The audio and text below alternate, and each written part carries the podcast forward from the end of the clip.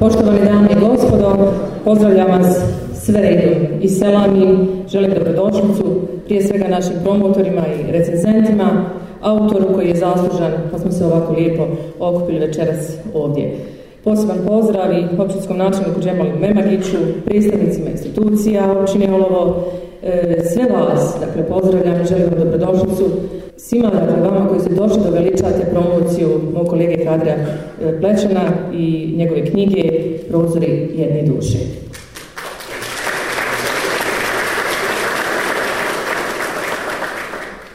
august dan naše općine je dan kada je počela odbrana našeg grada 1992. godine.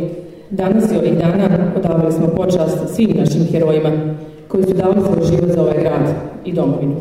Čestitajući vam svima ovaj dan, molim vas da se još jednom učenjem fatihe ili na neki drugi prigodan način sjetimo svih šehida i poginulih boraca Olova i Bosne i Hercegovine. Hvala Sve što se zabilježi ostaje, a sve što se pamti nestaje, kazao je davno Ula Mustafa Bašeskija. Svaka zapisana je vrednija od bilo koje izgovorne riječi. Zato smo večeras posebno sretni što možemo slaviti pisanu riječ. Centar za kulturu, sport i informisanje je izdavač dvije knjige. U zagrljaju sjećanja naše Jasmini Hasan čija koju smo promovisali u subotu, a večeras nam je posebno zadovoljstvo predstaviti još jednu knjigu. Prozori jedne duše, autora i mog kolege Kadra Plečana. Iz ovih e, ukoričenih redaka, pored autora, stoji stručni rad i trud lektora, profesorice i doktorice Mirele Omirović-Muftić. Radeći lekturu prošla je kroz svako njeno slovo i zaslužna je za njenu gramatičku, stilsku i jezičku formu. Profesorica Mirela će na večeras u ulozi promotora prenijeti svoje viđenje ovog književnog djela. Izvoli, Mirela.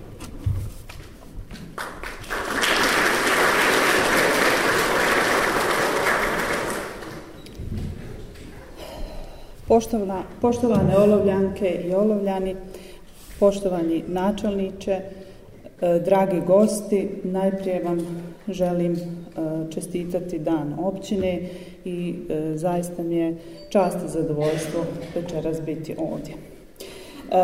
Posebno mi je zadovoljstvo večeras predstaviti knjigu našeg kadra Plećana koja nosi naslov Prozor jedne duše. Naime, to je svojevrsna zbirka žanrovskih različitih tekstova, pisanih još od ratnih vremena pa do danas, u kojima nam kadr podastire svoje razmišljanja o svakojakim temama, počevši od filozofskih reminiscencija o ovome i onome svijetu, o nekadašnjim običajima i sadašnjoj vrtoglavoj svakodnevnici, o običnom bosanskom čovjeku i političarima koji kroje sudbine bosansko-hercegovačkog društva – o ljudima koji u dobrunu vade kamen da bi prehranili svoje porodice, o mladićima koji su u ratu dali sebe, svoje dijelove tijela i svoju dušu da bi Bosna opstala i da bismo danas živjeli slobodno i hodali ovim komadićem Balkana. Time kader neprestano ističe suprotstavljanje dviju nepomirljivih strana, okrećući ih uvijek jednu prema drugoj na specifičan način kako bi se sagledale pozicije onog drugog i tako definirale svoje djelovanje u ovozemaljskom životu. Kada sam počela čitati rukopis, sprva mi se učinilo da je kader nesalomljivi zastupnik muškog radikalizma. No pažljivi čitalac brzo shvata njegova temeljna promišljanja o svijetu i životu, i ulozi muškarca i žene u društvu. Te tragom patrijarhalnog odgoja autor čežnjivo priziva nekadašnji život i običaje bosanskog čovjeka, posebno bosanskog čovjeka na selu, njegovu povezanost s prirodom, osuškivanje cvrkuta ptica, pjevanje horoza, obrađivanje zemlje i uzgoj poljoprivrednih kultura na jednostavan, i posve prirodan način. U tom sasvim običnom bosanskom miljeu autor ženu najprije vidi kao majku, koju je priroda podarila nešto što nije ponuđeno muškarcu i što muškarac nikada ne može doživjeti.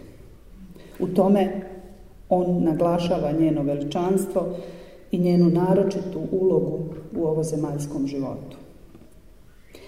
Kadir se ne može pomiriti sa današnjim ubrzanim tempom života, koji uveliko narušava porodicu kao osnovnu ćeliju društva.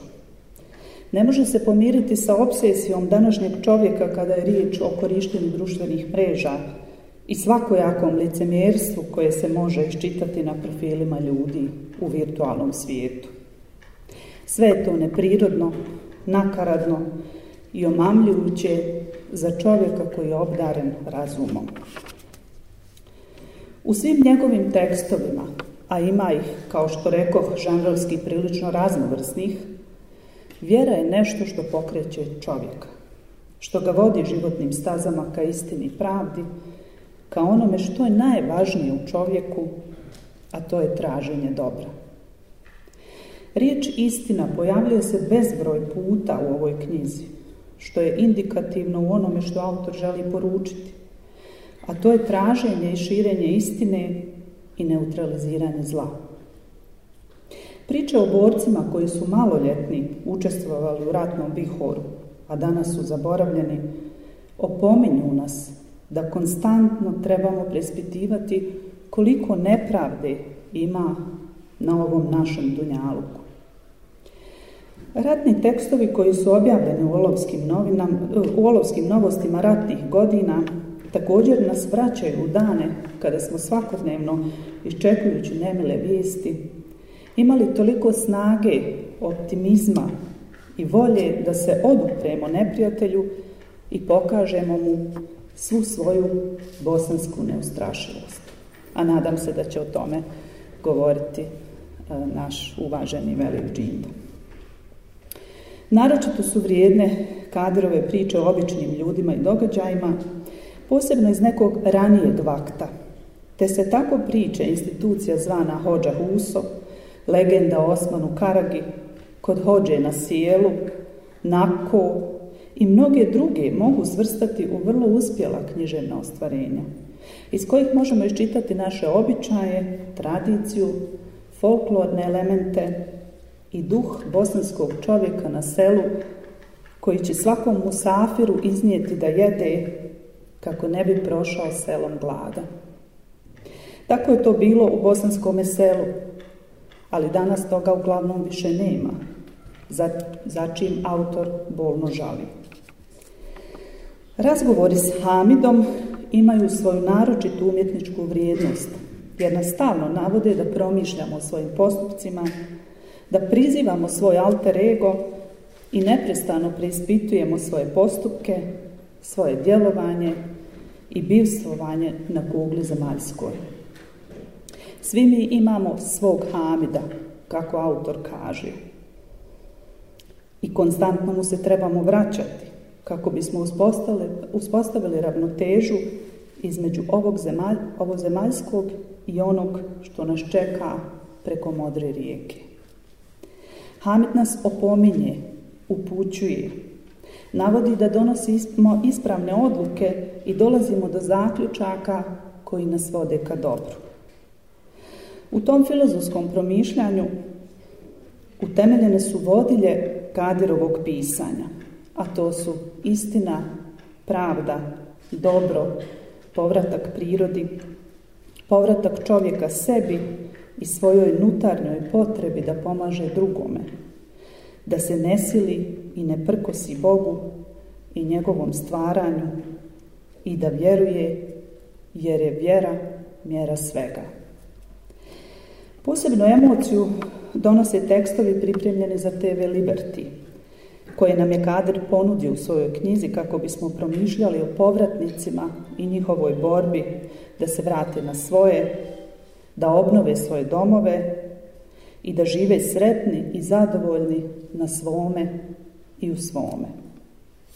U ovome poglavlju također ćemo iščitati običaje našega kraja, kako se nekad ašikovalo, kako je nastala pjesma o ljepotici Fati, Nizolovo sitna kaldrmica, zatim kako se odvijala koševina, šta je to bila privilegija kozbaše, onoga koji kosi prvi, i šta je to mirisalo u zraku kad imate na njevi kosce u poređenju sa današnjim kosilicama i svakojakom mašinerijom namijenjenom za obrađivanje polja.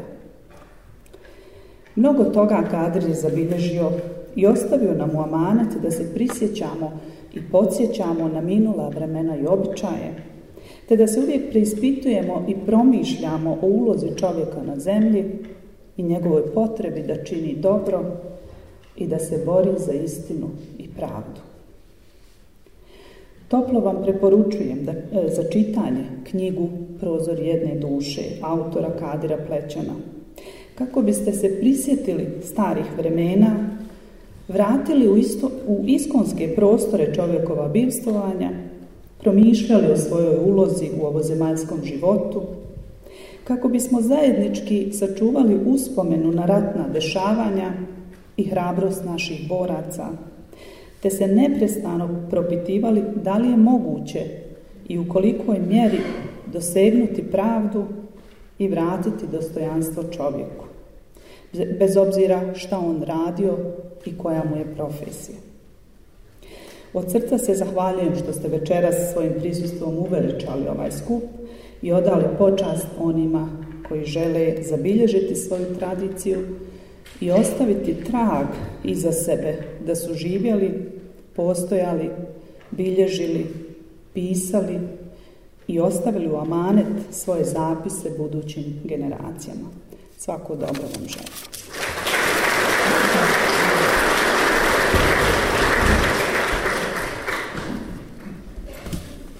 Hvala našoj doktorici Mirali. Kao što vidite, večeras je na okupu dio radne ekipe redakcije Olovskih novosti i predcentra, čiji je sinonim s ponosom mogu reći kolega Veličinda. Njegova riječ u eteru radija Bosne i Hercegovine, o novostima i ratnim snimcima Zlatana Kopića je postala dio naše historije. Danas ga sa zadovoljstvom pozdravljam ulozi recenzenta kadrove knjige. Izvolite.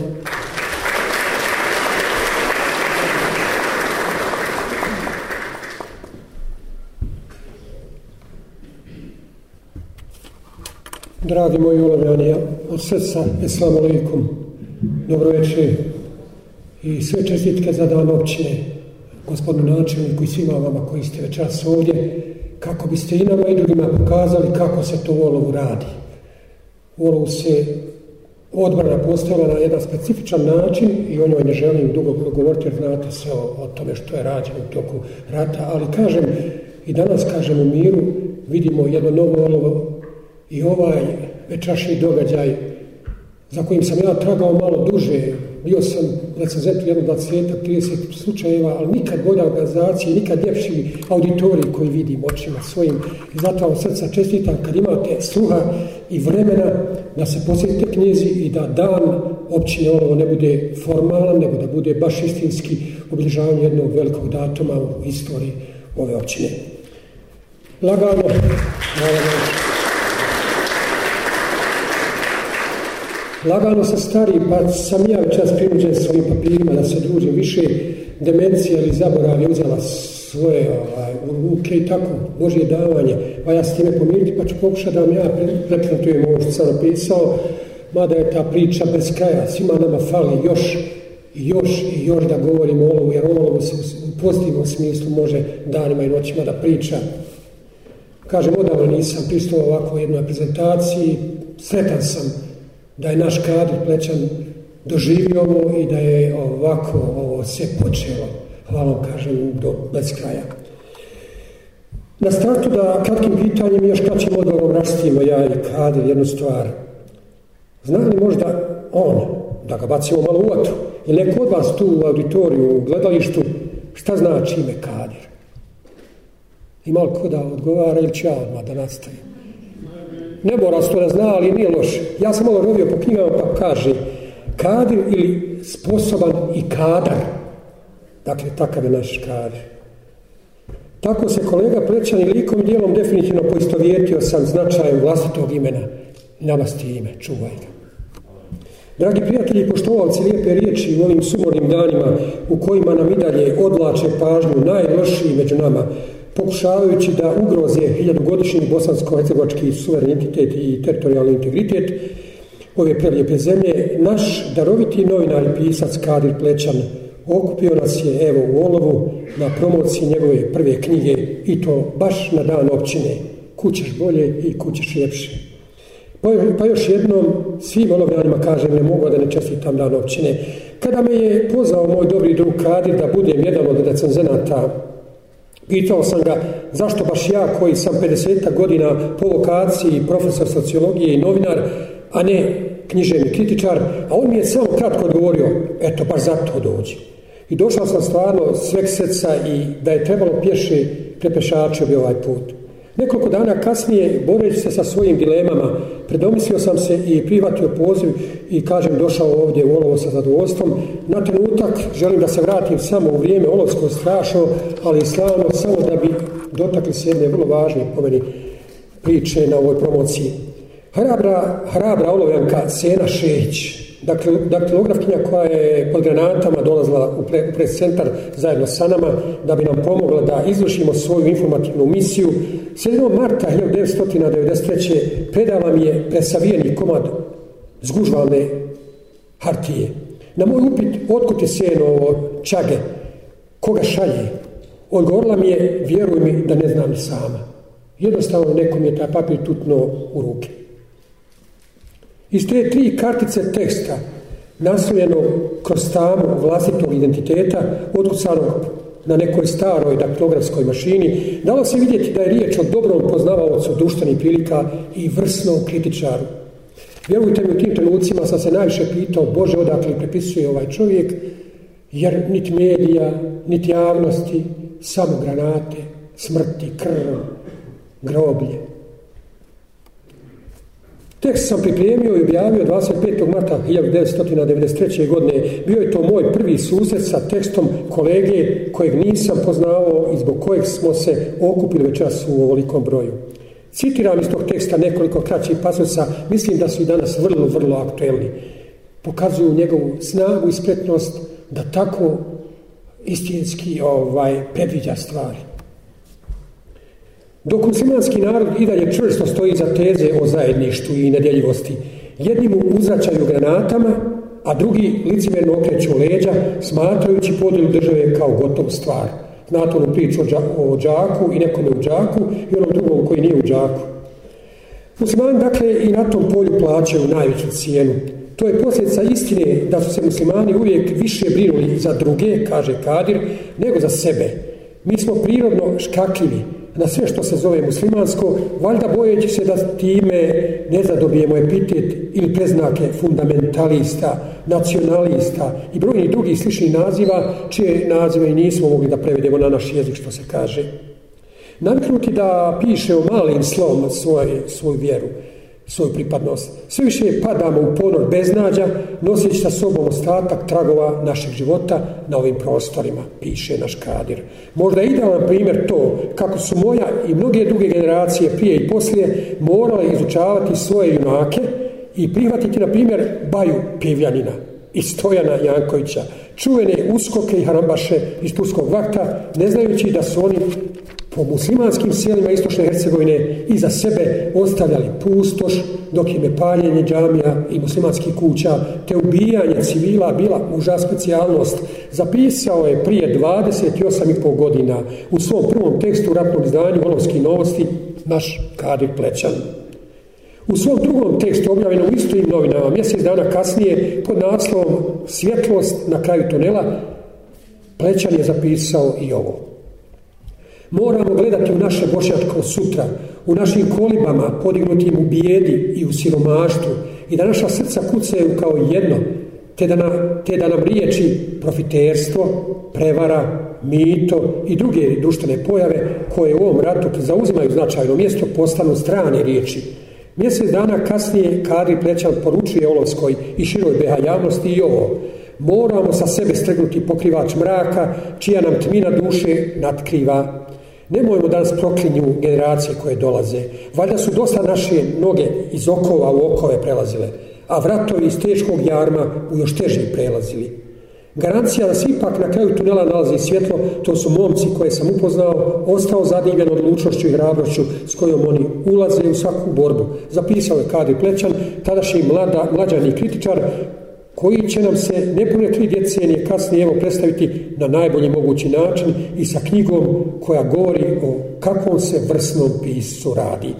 Novinara sada i pisac Kadir Plećan izastao je u znalca svog zanata i čovjeka koji ima stav.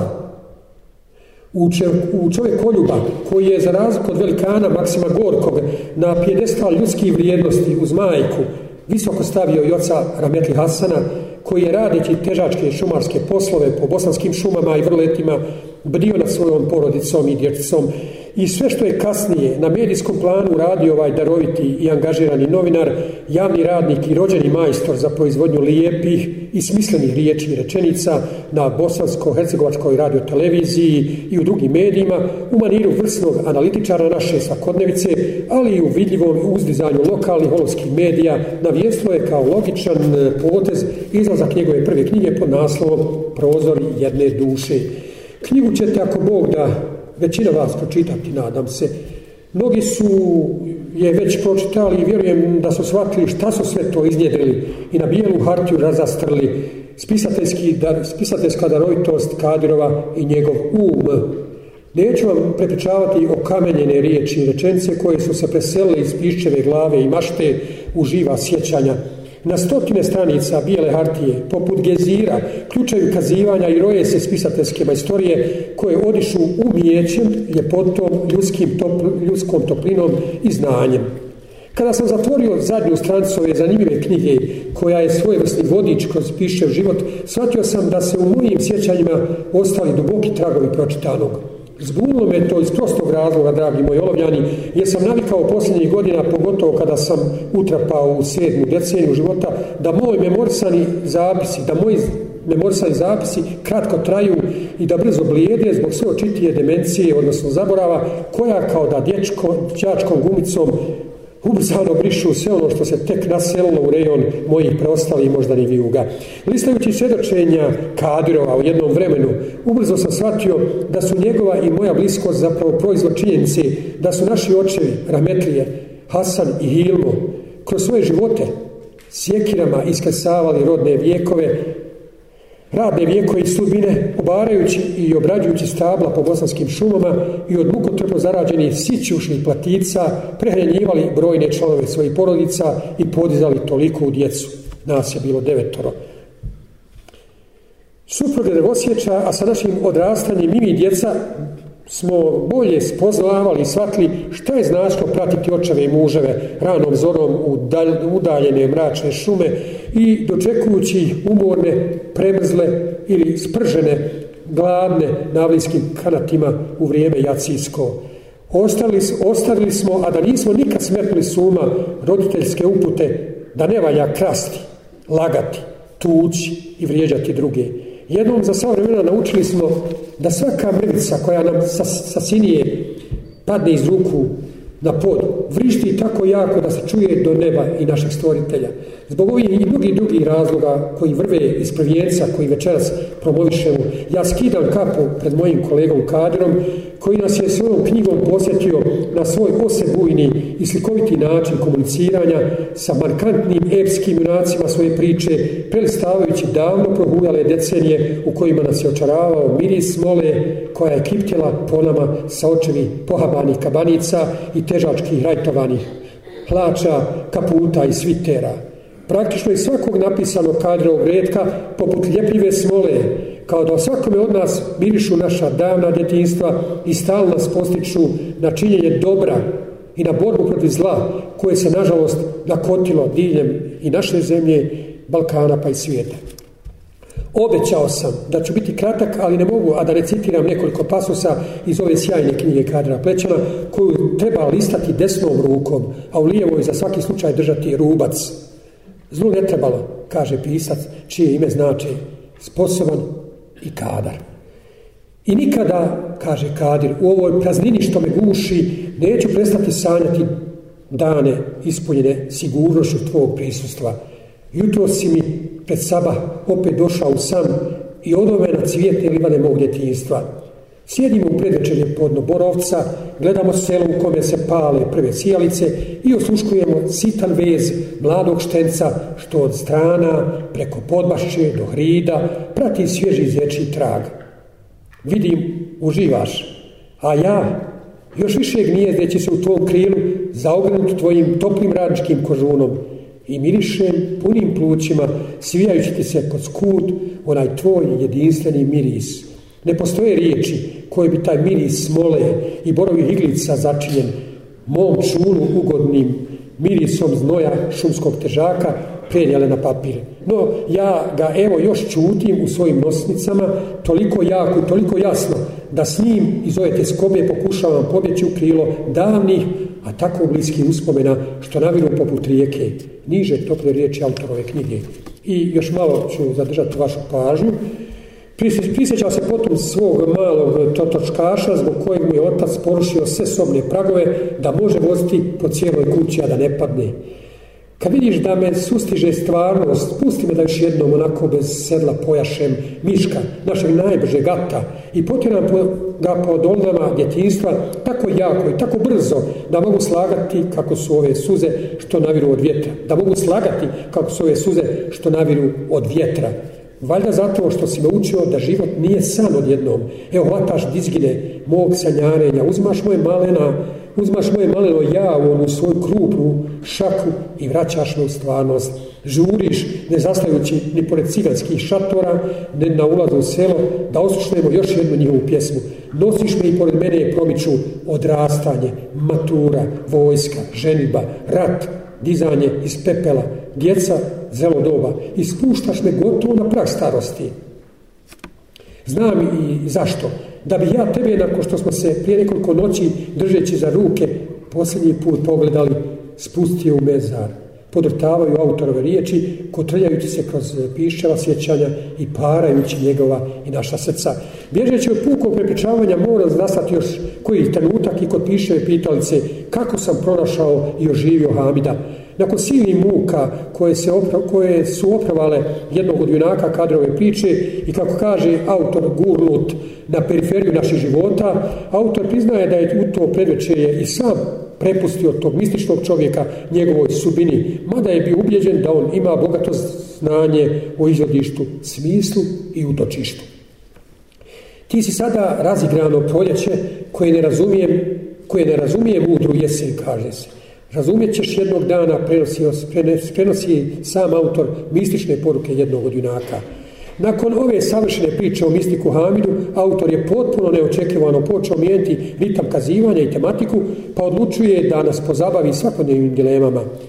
Meditira o vjeri i nacionalizmu, onama koji, kako silovito kaže Kadir, gledamo, a ne vidimo. A potom počinje znalačku Znački da lamentira o bosanskom poimanju demokratije modernim društvenim mrežama.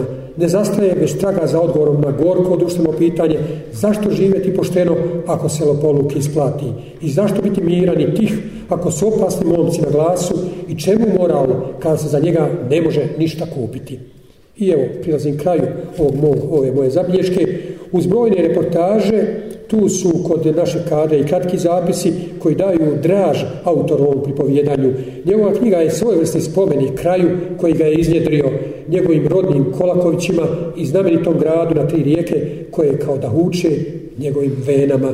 Ovaj vrsni hroničar Olovskog kraja i bosansko ezovački poslanik i pjesnik, predstavnik sjedme sile, ali jedan autoritativan i ugledan, vodio je računa o odabiru pića koje su svakodnevno kipkele iz njegove razuzdane mašte, a s poštovanjem i osjećanjem je bježio i jad i bijedu, raskalašenost i uspone marljivi ljudi i promašaje društva u kojem živimo. Nalazio je prostora i za svakodnevcu, za porobljavanje ove divne zemlje, javašu vladara nad svojim podanicima, za zločine i kazne, za feređu i zar za Hođu Kulu, ali i za trojicu heroja odmane olova Nisveta Zehrida iz Saudina.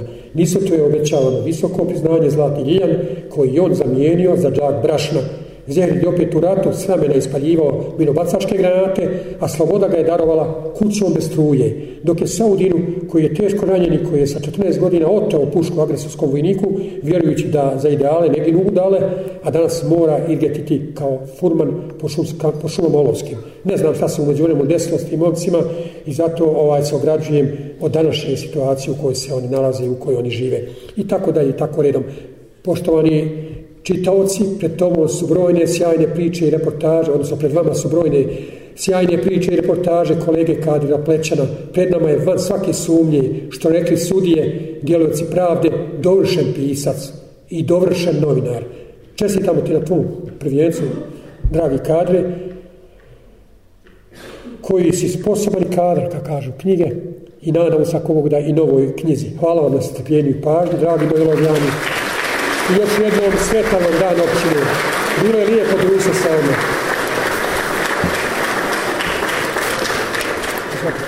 Hvala.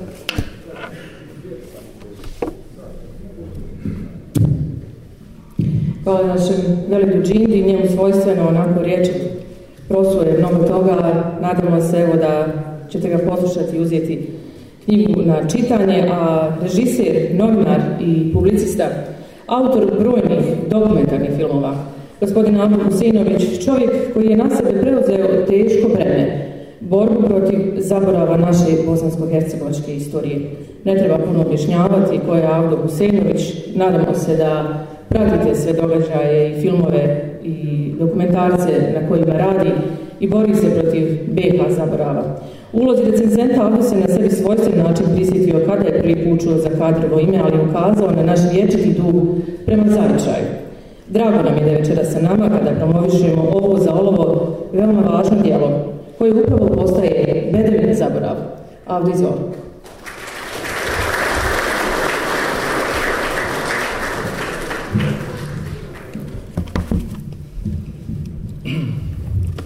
Sad bi rahmetli akademik Muhammed Filipović rekao nemojte me aplaudirati, ne znate šta ću kazati, sad čekajte dok završim, šalim se.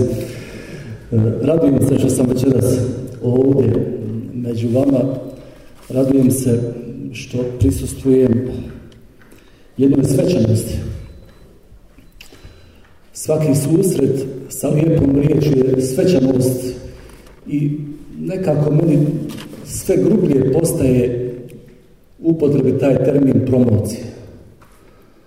E, objavljivanje knjige je praznik za velike narode, a kamoli za naš, za naš mali po brojnosti bošnjački narod i zbog toga smatram da je ovo i svećenost i, i jedan spojeni praznik sa ovim praznikom dan općine Olovo, zbog toga Evo ja ću da čestitam dan ročne i da čestitam ovaj drugi praznik dan objavljivanja prve knjige naše kadra Plećana.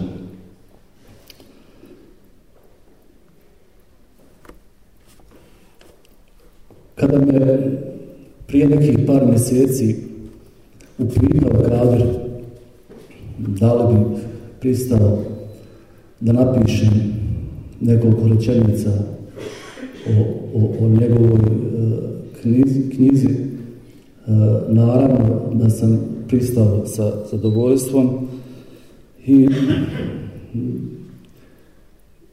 nisam znao što se nalazi u, rukopisu, ali sam imao neki šaret poznajući njegov nevjerojatan specifičan grad u pisanju, da će to biti totalno drugačije od onoga što smo navikli da nam se servira na ovoj e, našoj svakodnevnoj e, književnoj e, trpezi.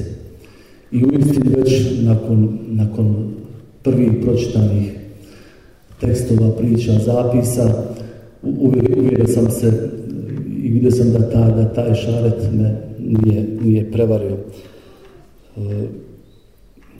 Postoje, postoji e, postoji, postoji više vrsta ljudskog duga.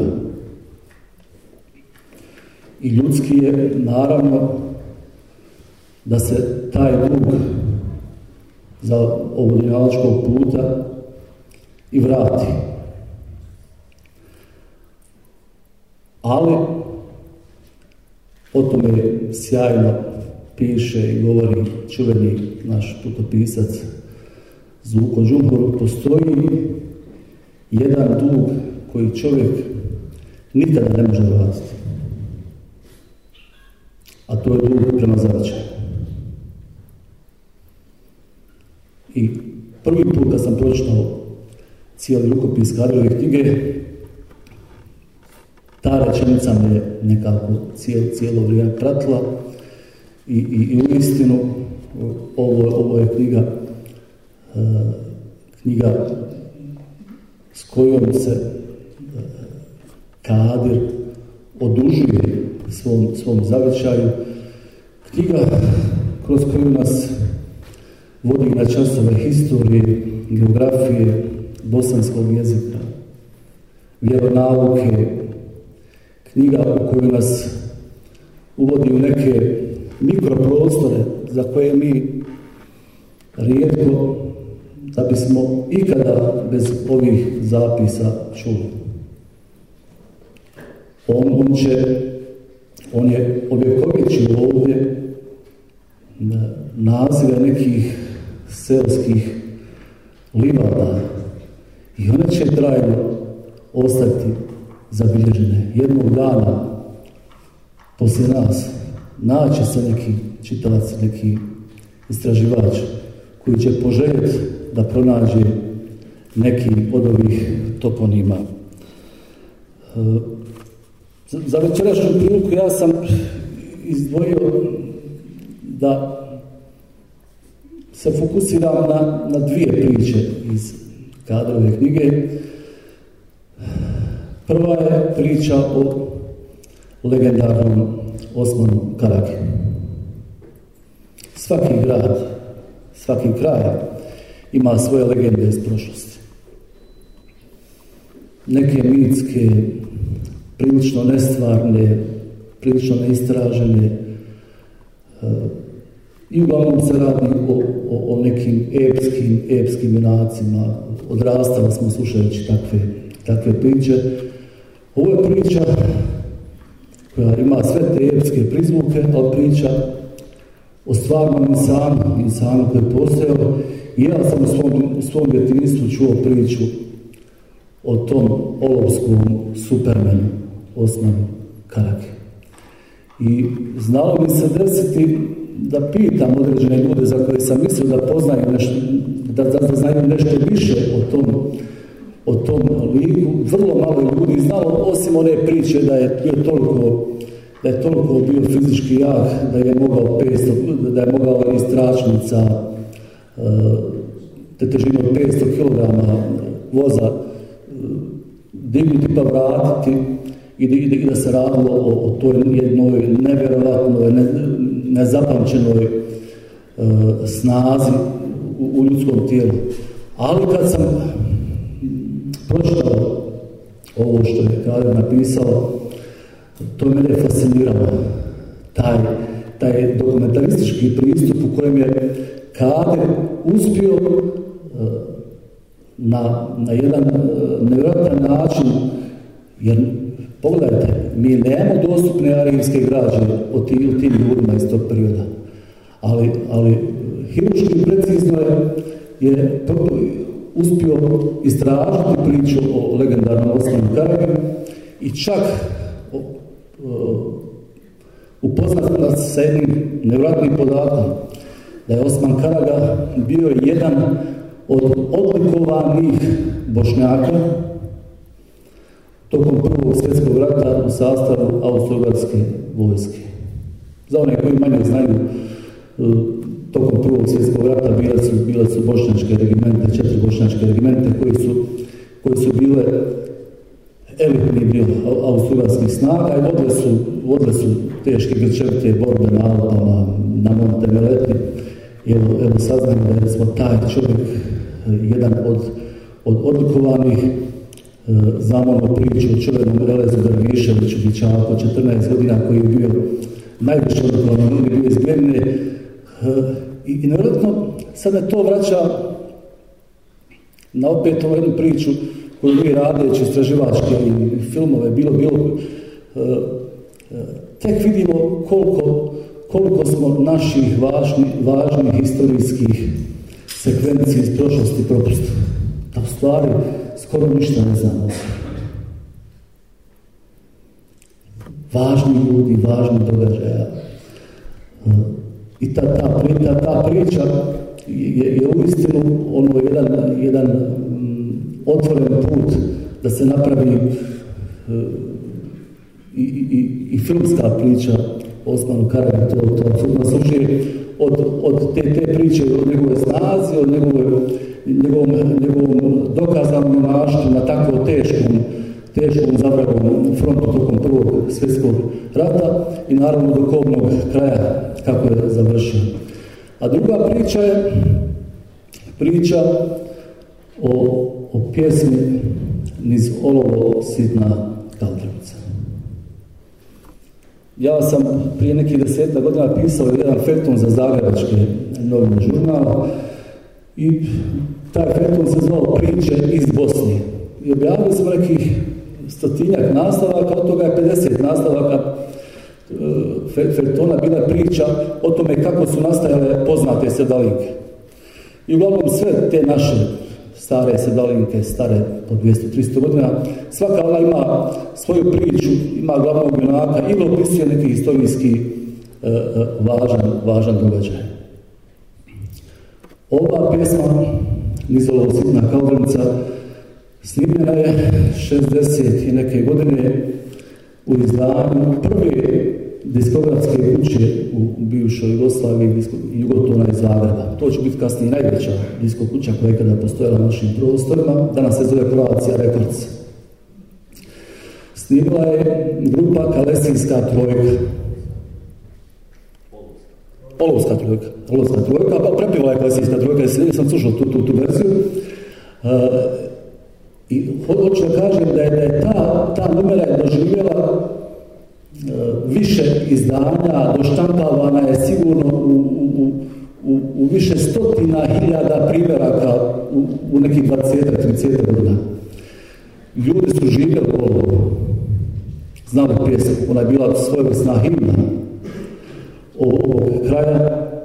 Djevojke su odrastale u i želji da i one budu ta, ovog starih borca Fata, a malo ko je znao ko je u stvari ta Fata iz pjesme.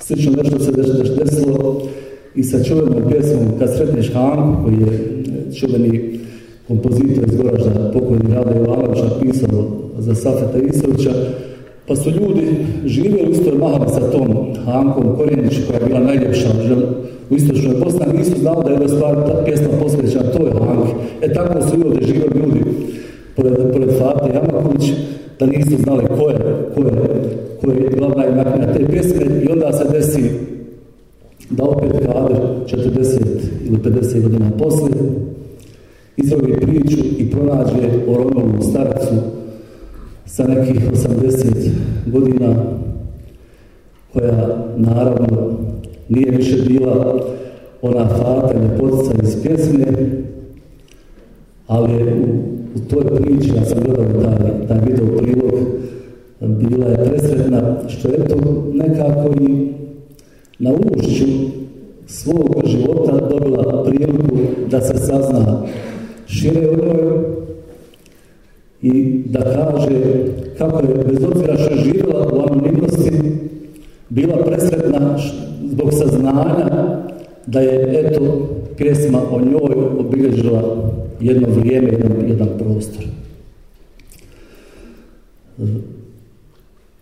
Ono što bih ja poželio jeste da Kadir nastavi sa, sa ovim boksom najteže kategorije, a to je pisanje to, to, je, to definicija koju je Krloža rekao za pisanje. Pisanje boks najteže kategorije, jer e, trebaju nam knjige ovakve, trebaju nam knjige općenito. Znate, e, hodao sam širom Bosne, skoro nema sela i zastavka gdje nisam došao, pričao sam se sa drugim ljudima, i onda mi kažu ljudi, Jusuf Trbić, naš čovjek novinar Bijeljine, dobar straživač, pisac, kaže Jusuf, do 92. Do, do 92. godine u Semberi, znači Bijeljna Janja, u Gljernik, nijedan bošnjak nikada nije objavio jednu knjigu. Tek 2001. godine knjiga Majstori mraka će biti prva knjiga u Semberi koju je napisao jedan bošnjak. Onda sam ja pitao i po drugim čaršama, i nećete vjerovat, e, šokantni su, bil, šokantni su bile te spoznaje. U većem broju gradova, čaršija, gdje su bošnjaci bilo većina, većina do 92. nijedan nije objavio nijednu knjigu. I zbog toga je jako važno e, da imamo, da živimo u vremenu da imamo ljude koji su, koji su dostojni, da, da, su, ljude pera i da, ovo što, što su napisali, da će dočekati i one poslije nas. E, ono što sad ćem bi želio završiti jeste da je istinu knjiga u kojoj iz ovog pera e, vidi se da ne postoji embargo na uspomene. On, jednostavno e, približava nam e, vremena za koja mislimo da su prošli I vremena i ljude i s druge strane E, ostavlja jedan neizbrisiv trag onima koji će doći posle nas i ostavlja e, jednu knjigu koja iz svakog svog slova i svake svoje strance miriše na ljude našeg kraja. Hvala vam.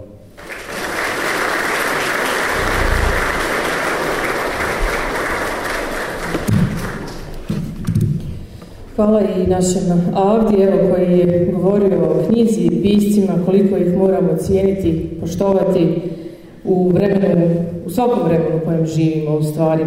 Međutim, svjedoci smo i toga da ove tehnologije nam uzimaju izgleda primat, da je sve manje čitalaca u gradskim bibliotekama, da nam djeca uzimaju telefone u ruke i da sve manje i manje oni koji uopšte pročitaju i lektiru. I lektire su postale instant, a kamo je ovakva bijela.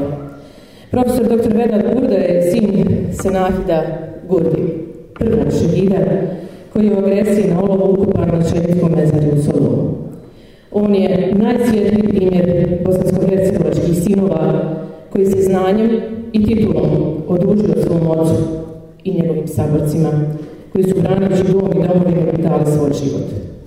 Ovom autorskom dijelu prozor je duše je Plećana Večera ću govoriti ulozi prijatelja, kolegije, sugrađana i poštovalaca narodne naravno knjige kao trajnog zaloga kulturi sjećanja. Veda da izvoli.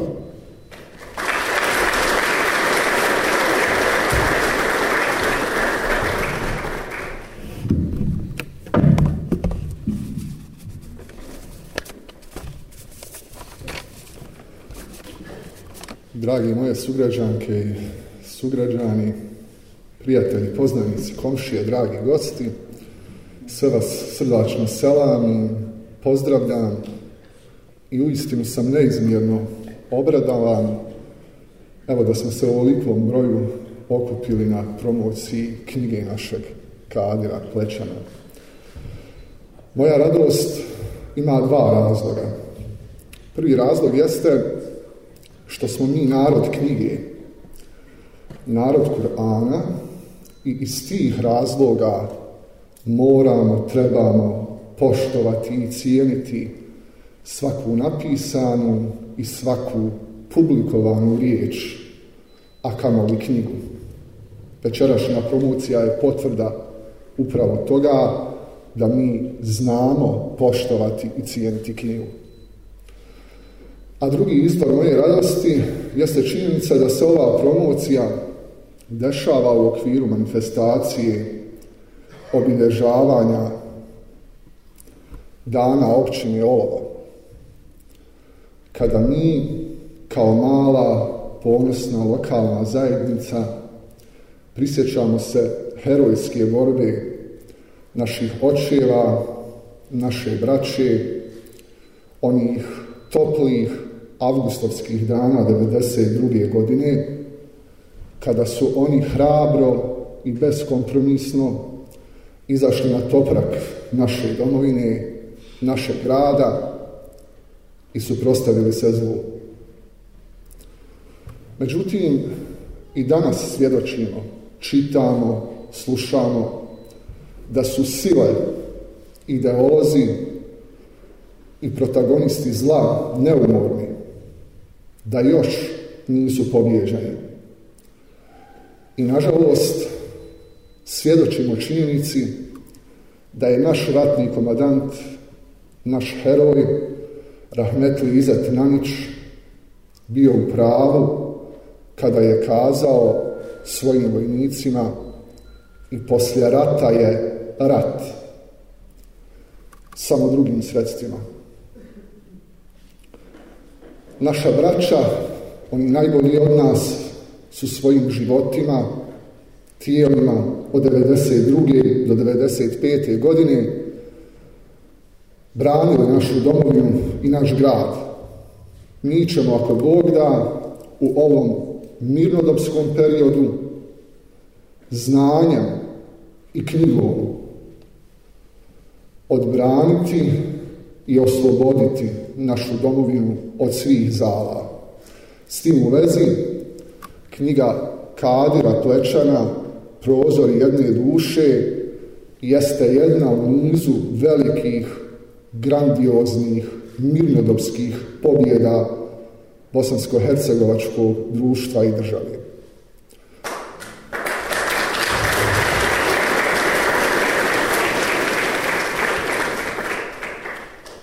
Obzirom da sam ja po lokaciji profesor, a mi profesori smo dali ono onako da pričamo 45 minuta, cijeneći vaše vrijeme i neke dobre uzuse i prakse, ja ću ipak jeli, onako pročitati neka svoja razmišljanja o knjizi, izvode iz recenzije koju sam naslovio Prozor jedne duše, knjiga Kadirovog i naših života.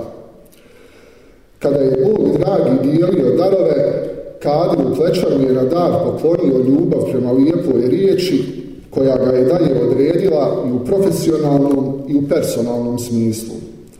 Kadir je na zasadama te ljubavi izrastao u prepoznatljivog i angažiranog novinara, ali istovremeno i u osobu koja uvijek ima lijepu riječ za drugoga, te koja umije izuzetno lijepo i nadahnuto pripovijedati. Upravo kao produkt njegovog pripovjedačkog i spisateljskog dara nastala je i knjiga Prozori jedne duše koju noćas promovišemo. Knjiga sadrži na desetine tekstova, priča, eseja i osvrta koji se osnovi mogu razvrstati u tri velike tematske cjeline. Prva grupa tekstova obuhvata one tekstove u kojima autor portretira i opisuje ljude iz olovskog kraja, te njihove ličnosti i priče pokušava sačuvati od natruha zaborava.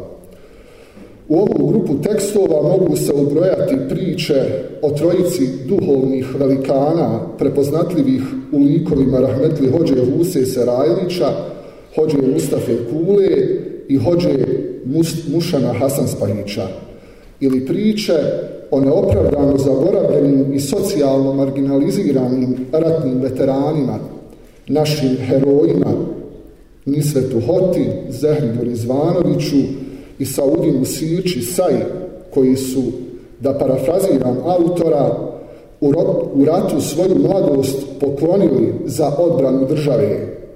One iste države koja ih je u miru potpuno zaboravila. U ovaj tematski kolorit o ljudima i događajima iz našeg kraja mogu se situirati i priče o već spomenutom Osmanu Karabi, po narodnom kazivanju vjerovatno najjačim čovjeku salovskih prostora. Fehi Softi i njegovim neobičnim svjetonazorima, Mithatu Đakmiću i njegovom nesakidašnjim domaćinskom ensarijskom dobročinstvu – Bajni Alispahiću u njegovom naranku drva kao svojevrsnom preludijumu tragedije o bosanskoj sirotini i mnoge druge priče o velikim malim ljudima iz gornjeg i donjeg olovskog kraja.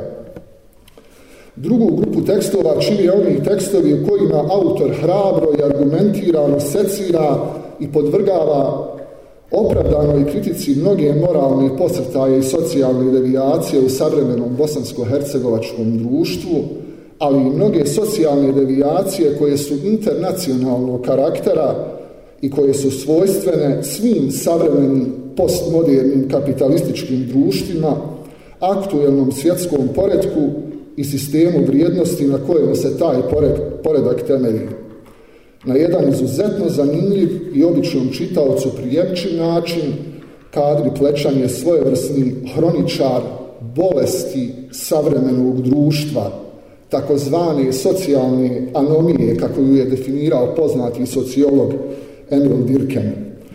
U lepezi ovih tekstova mogu se primjera radi ubrojati kritički osvrti i promišljanja nož, žica, izbjeglica, vrtići i starački domovi, te žena, bajka, kraljica i mnogi drugi. Na kraju, treću skupinu tekstova čini svojevrsni vjersko-teološki traktati, tekstovi koji su duboko obojeni porukama vjere, vjere Islama, koja je za autora, a kako to i sam ističe, mjera života i svega što život sa sobom nosi. S obzirom da su kaderovi svjetopogledi, odnosno duhovni i intelektualni horizonti, omeđeni postulatima vjere koja poziva ka činjenju dobra, za autora i njegove tekstove ovog tipa se bez imalo pretencioznosti može kazati kako su istinski misionari i emisari dobra.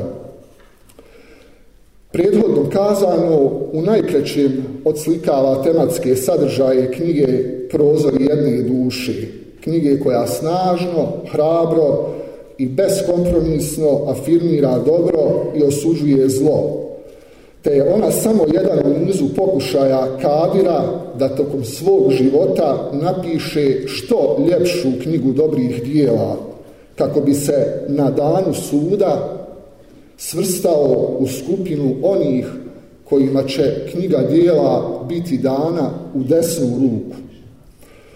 Što se tiče samog stila pisanja i kvalitete istog, neki od tekstova su izvanredne literarne vrijednosti. Međutim, evidentno je da autor kroz kratke osvrte pravi otklon od ustaljenih književnih formi i stereotipa, te da njegova intencija i namjera nije bila da napiše prvorazredno književno djelo. Više se prepoznaje želja da se pošalje poruka, prije svega poruka dobra. U tom kontekstu vrijedi, vrijedna je autorova sposobnost da babaljevski uspješno poentira i poruči, stavi tačku na tekst, nerijetko zaključi pasažima Kur'ana kao najljepšeg govora. I na kraju, ako se složimo sa poznatim njemačkim filozofom Heideggerom kako je jezik kuća bitka, jer se pomoću njega sporazumijevamo, u njemu obitavaju naše emocije, u njemu su situirane naša prošlost, sadašnjost i budućnost, onda je nedvojbeno kadri plećan u knjizi Prozor jedne duše posta lijepim, prijemčivim i rafiniranim jezikom sebi i nama, ljudima koji pripadamo njegovom geofizičkom i duhovnom zavičaju, sagradio jednu nesvakidašnje lijepu kuću ideja, misli i emocija. Prvu nadati se je ne i ja vam se uistinu zahvaljujem na pažnji, nadam se da nisam bio previše dug i svima još jednom čestitam dan opštine.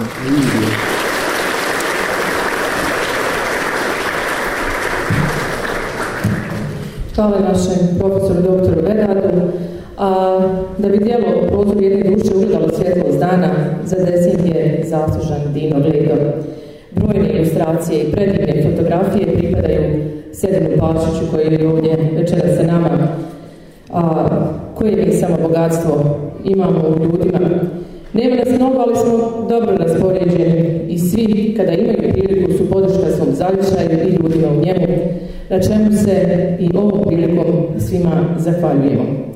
A, sada kao šlaga tortu. E, riječ dajemo autoru, novinaru, mom kolegi Kadru,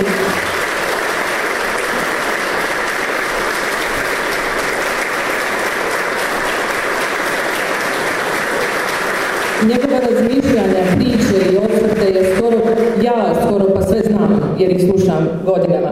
Svi njegovi pratioci na Facebooku su većinu već e, pročitali, ali sve to bi otišlo u zaborav, kao i većina onoga što mi svi pamtimo, a onako lijeno nam da zapišemo. I sve ono što dakle, on je želio da kaže, već je ispričao na Facebooku mnoge te priče, e, brojni njegovi pratioci pratili. No, sada ću ga zamoliti onako novinarski da ga pitam kad, kako, kada su nastajale ove priče i kada je u stvari odlučio da sve to ukoriči. Izvolite, Adrian.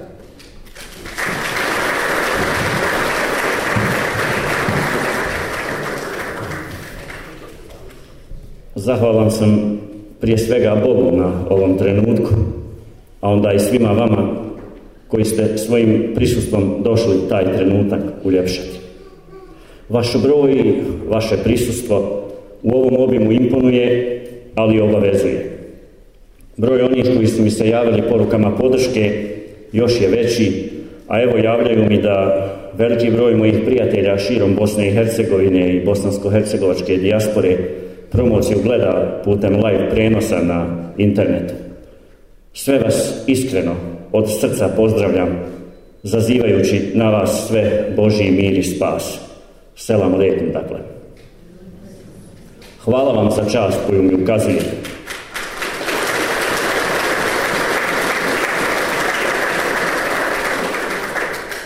Hvala napose ovim divnim ljudima u pročinu, eminentnim znalcima svog zanata i posla. Veli dužindi mom novinarskom ocu. S njim je potekla moja novinarska karijera i ova novinarska priča. U proljeće 1994. kada sam došao u informativnu službu brigade, uveo me u jedan odjeljak i rekao ovo je tvoj sto, ovo je tvoja mašina Olimpija, neka joj se slova zaglavljuju, a ti samo kucaj i piši. I ja sam pisao. Mi koji smo nakon njegovog odlaska u televiziju Bosne i Hercegovine u Sarajevo ostali raditi ovaj posao, imali smo težak zadatak – nadomjestiti odlazak čovjeka koji je svojim glasom i svojim imenom bio jedan od upečatljivih simbola herojske olovske borbe i otpora. Sretan sam, dragi Velide, što si svojim prisustvom i svojom riječju recezenta uljepšao, dakle, ovo dijelo i ovu promociju večeras. Hvala Avdi Huseinoviću Čovjeku koji je na stazi svog djelovanja ostavio više tragova i dokaza o našem stradanju i našoj borbi nego brojni instituti i organizacije. Hvala Avduka za sve što činiš za Bosnu i Hercegovinu i naš narod. Hvala profesoru doktoru Vedadu Gurdi, mom prijatelju i bratu.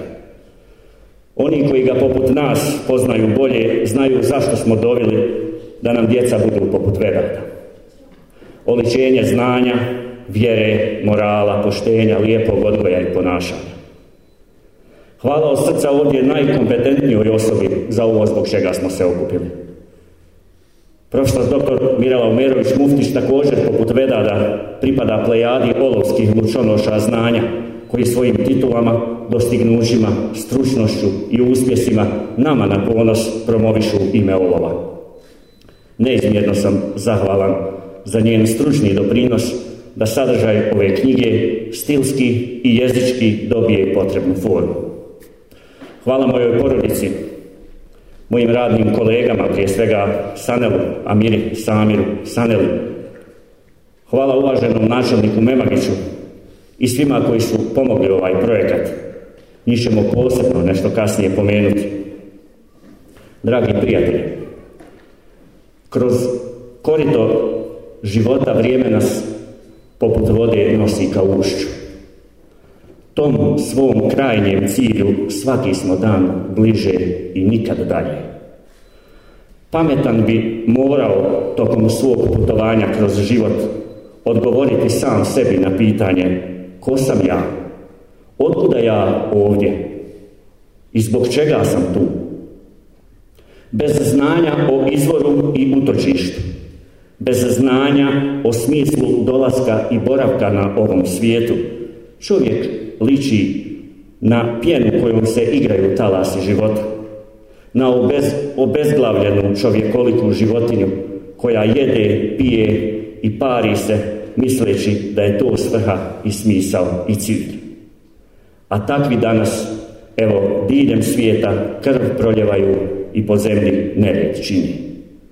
Knjiga koja je pred vama, kroz cijelo svoje prvo poglavlje, ukazujući na društvene anomalije i pogubne rezultate te životne filozofije po kojoj živimo samo ovdje i sada, postiće i poziva na dobro, kao jedinu trajnu kategoriju koja čovjeku donosi istinski smiraj i sreću. Koliko god vremena bila teška i bremenita, a mi živimo u vremenu velikog preslaganja i velikog reseta društvenih vrijednosti. Činiti dobro i odvraćati od zla mora biti i ostati naš imperativ i naše trajno opredjeljenje. Za naše vlastito dobro, jer istina će pobijediti laž, dobro će pobijediti zlo, svjetlo će pobijediti tamo. Kojem smo taboru mi pripadali i u čijoj smo uniformi mi služili svoj životni rok, Pitanje je samo naše. Odluka je samo naša. I posljedice te odluke su samo naše. Te bitke vode se i dobijaju ovdje, u našim prsima i našim srcima. O tim bitkama i borbama ja pišem kroz dobar dio knjige, ne prezajući da primijetim kako je u tim borbama, kao i u svim ratovima, puno licemjera, špijuna, lažnih rodoljuba, hoštaplera i profitera sa maskama dobročinitelja. A kada jednog dana maske padnu, kada se obole naša savjest, svima će po pravdi biti presuđeno. Dok budete čitali ovu moju knjigu, vi ćete odmah s njenih prvih stranica zaključiti da je vjera ishodište mojih stavova i promišljanja. Ja to i ne krijem. No ja u vjeri ne pišem i na vjeru se u svojim tekstovima ne pozivam kao vjerski znalac. Tih priča i vjerskih trakata, dakle ne manjka, slušamo ih od naše uleme i vjerskih službenika svaki dan. Ja o tome govorim iz perspektive svakodnevnice u kojoj vjere nema u dijelu. Jer kako je moguće da se u državi čiji se članovi 90, u 90% obimu izjašnjavaju kao vjernici da se krade, pljačka, prima i daje mito, namještaju tenderi i cvjeta korupcija.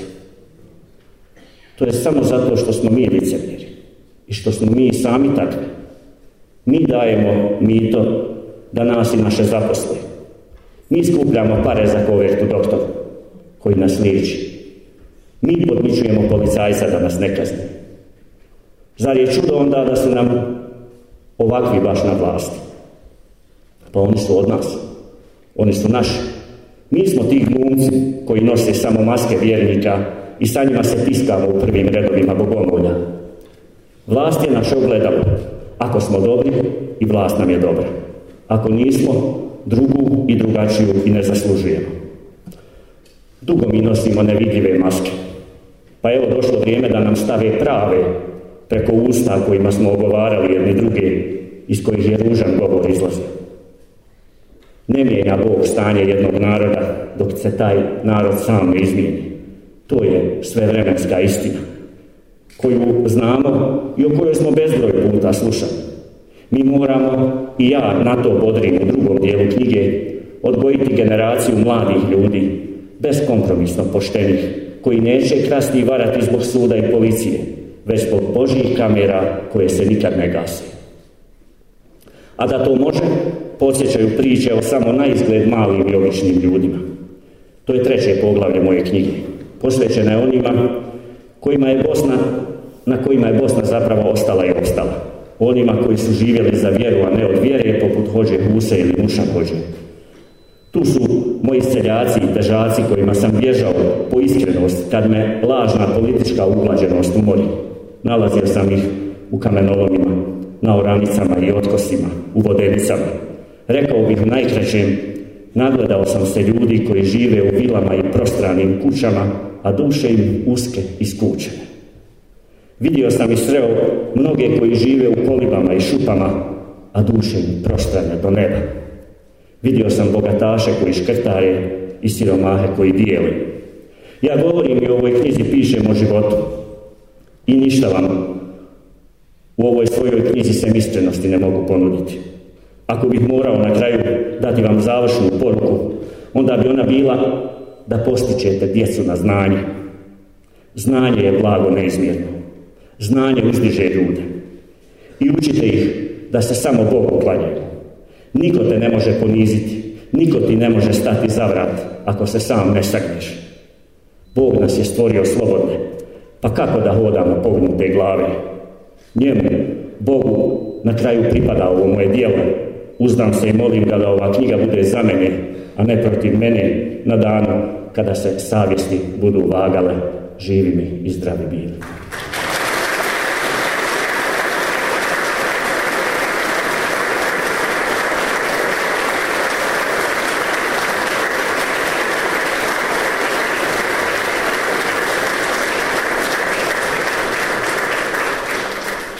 Ako me Amira dozvoliš samo još jednu ovaj, napomenu.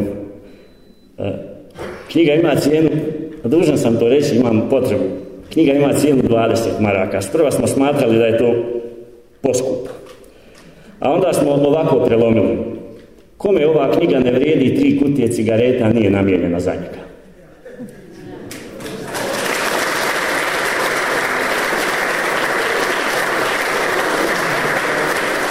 Ako ako neko iz bilo kog slučaja ima problem sa ovih 20 maraka, neka namigne, nek pošalje tajnu poruku, neka se javi, poklonit ćemo knjigu.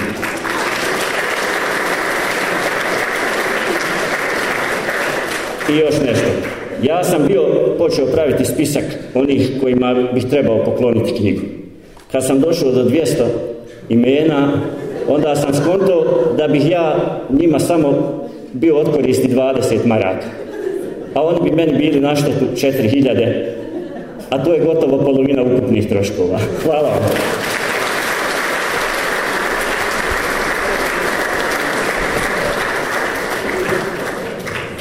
A pa dobro, sad da moramo kupiti Ukoliko neko želi da, da se obrati, ovo ovaj je pravi trenutak. Pozivam vas, ukoliko nekoma potrebu da kaže nešto o ovom dijelu jel' koliko vas je sve ovo dojmilo ili nije. Ako ne, onda pozivamo našeg općinskog načelnika. Jel ima? Evo, profesor Smajković. Tako, brate.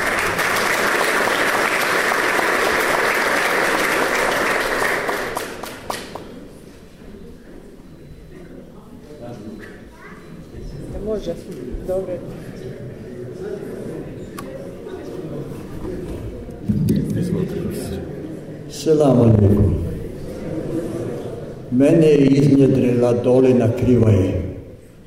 I svugdje gdje sam bio, kazao sam, ja sam iz jednog sela, zove se Čunište, dolina Krivaje.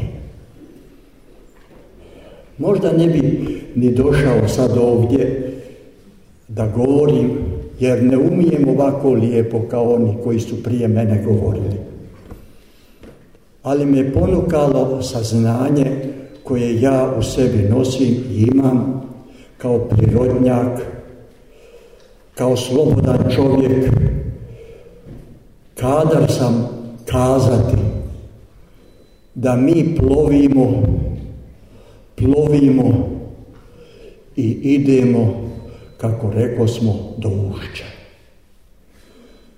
U tom procesu ako me zdravlje posluži, imam namjeru napisati da smo mi na ovom dunjaluku podvrgnuti fizičkim poljima, gravitacionom, električnom, magnetnom, a sve se objašnjava sa dva kvaliteta.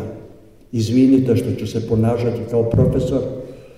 Masa i elektricitet, elektron koji nosi na sebi ko neki kvalitet. I to izučavamo mi ko prirodnjaci. Ja svojim studentima i kažem, ima još jedan kvalitet. Duh, duh, duša. Evo večera smo u situaciji da posmatramo kroz prozor svoju dušu. Kad sam pratio Kadira kroz društvene mreže, samo sam zaželio ovaj trenutak da ono što sam pročitao imam sada u knjizi. Ono što ostaje da se kaže jeste ova fizička polja određuju na izvjestan način i naše ponašanje. Mi s ovog kraja imamo svoje zavičajno polje određeno fizičkim poljima. Hvala vam veliko.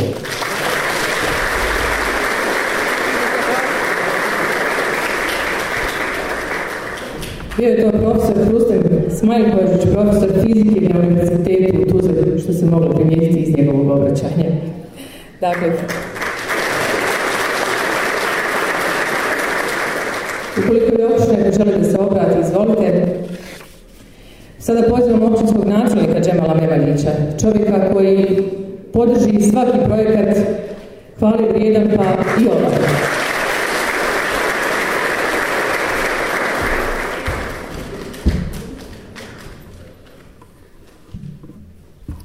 Ja vas veselam i pozdravljam. Poslije ovih svih priča, dešavanja, obrazloženja, kako god hoćete, vrlo je teško bilo šta reći. Ali ja imam uvijek svoju priču koja onaj, u svojim saznanjima je rad. Ovo što je gospodin Kadir radio nije došlo preko noći.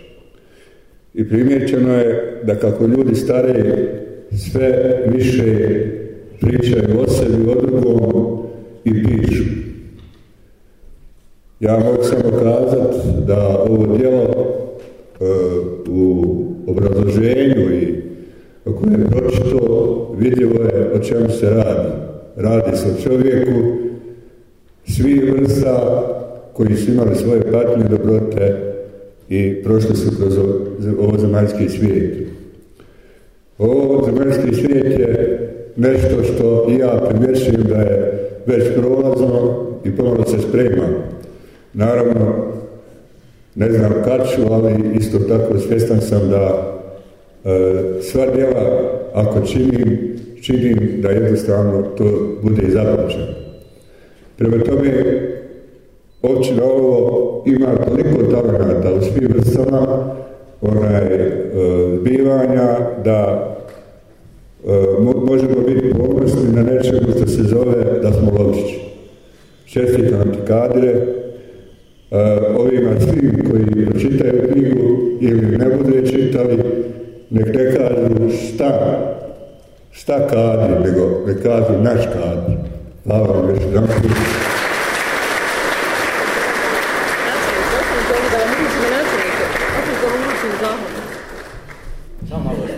Samo trenutak, e, sada ćemo započeti sa uručivanjem zahvalnica, s obzirom evo da nam se općinski načelnik prvi obratio da uručimo zahvalnicu i nekoliko knjiga. Znači, mi ćemo zahvalnica za sjećanje na ovaj dan. Ovo je par primjera knjige, Hvala vam.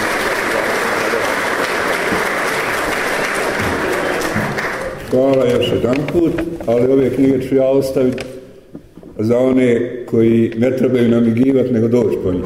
Hvala.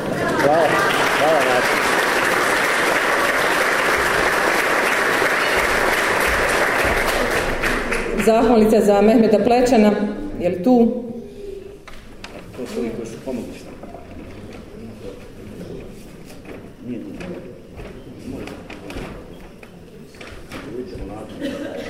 Uručit ćemo nakon, ako nije tu. Dželil e, Zukić, pomogao, dakle, izlazak ove knjige, nije ni on tu nakladno. Avdo Kućanović, čini mi se da nije ni on tu, ali evo tu je brat, može i brat.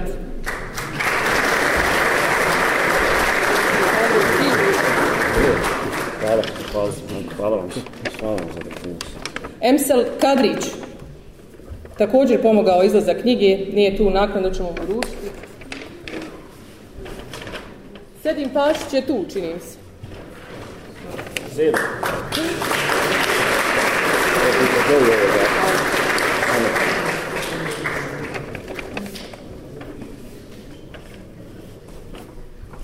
direktor Sanel Sokolar, javna ustanova Centar za kulturu. Pa niko nije slikao sedine. sve, sve slike i sve ilustracije u knjizi su sedina. Da.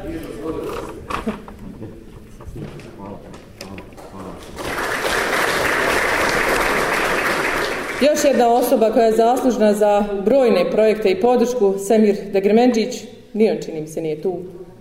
Bez beli opet nešto zauzet, ali uručit ćemo mu ovo naknadno. Hvala.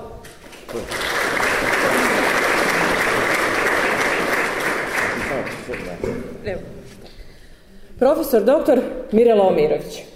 Rekli smo mnogo toga, evo. Hvala za, hvala za Hvala, hvala, profesor dr. Veda Odgurda.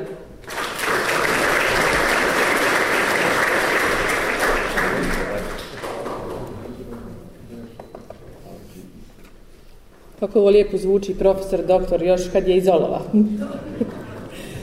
Naš velik džindo, sinonim evo, novinarstva, olovskog,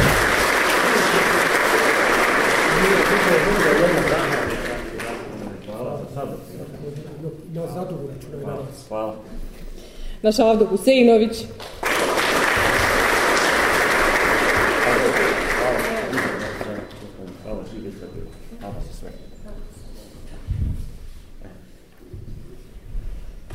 Jedino još nam ostaje da se zahvalimo svima vama koji ste odvojili svoje slobodno vrijeme, bili večeras ovdje. Nadamo se da ste uživali, da ćete kupiti knjigu Cijenu ste čuli, 20 maraka, možete se osjećati ovdje od autor vas poziva svi u kolu.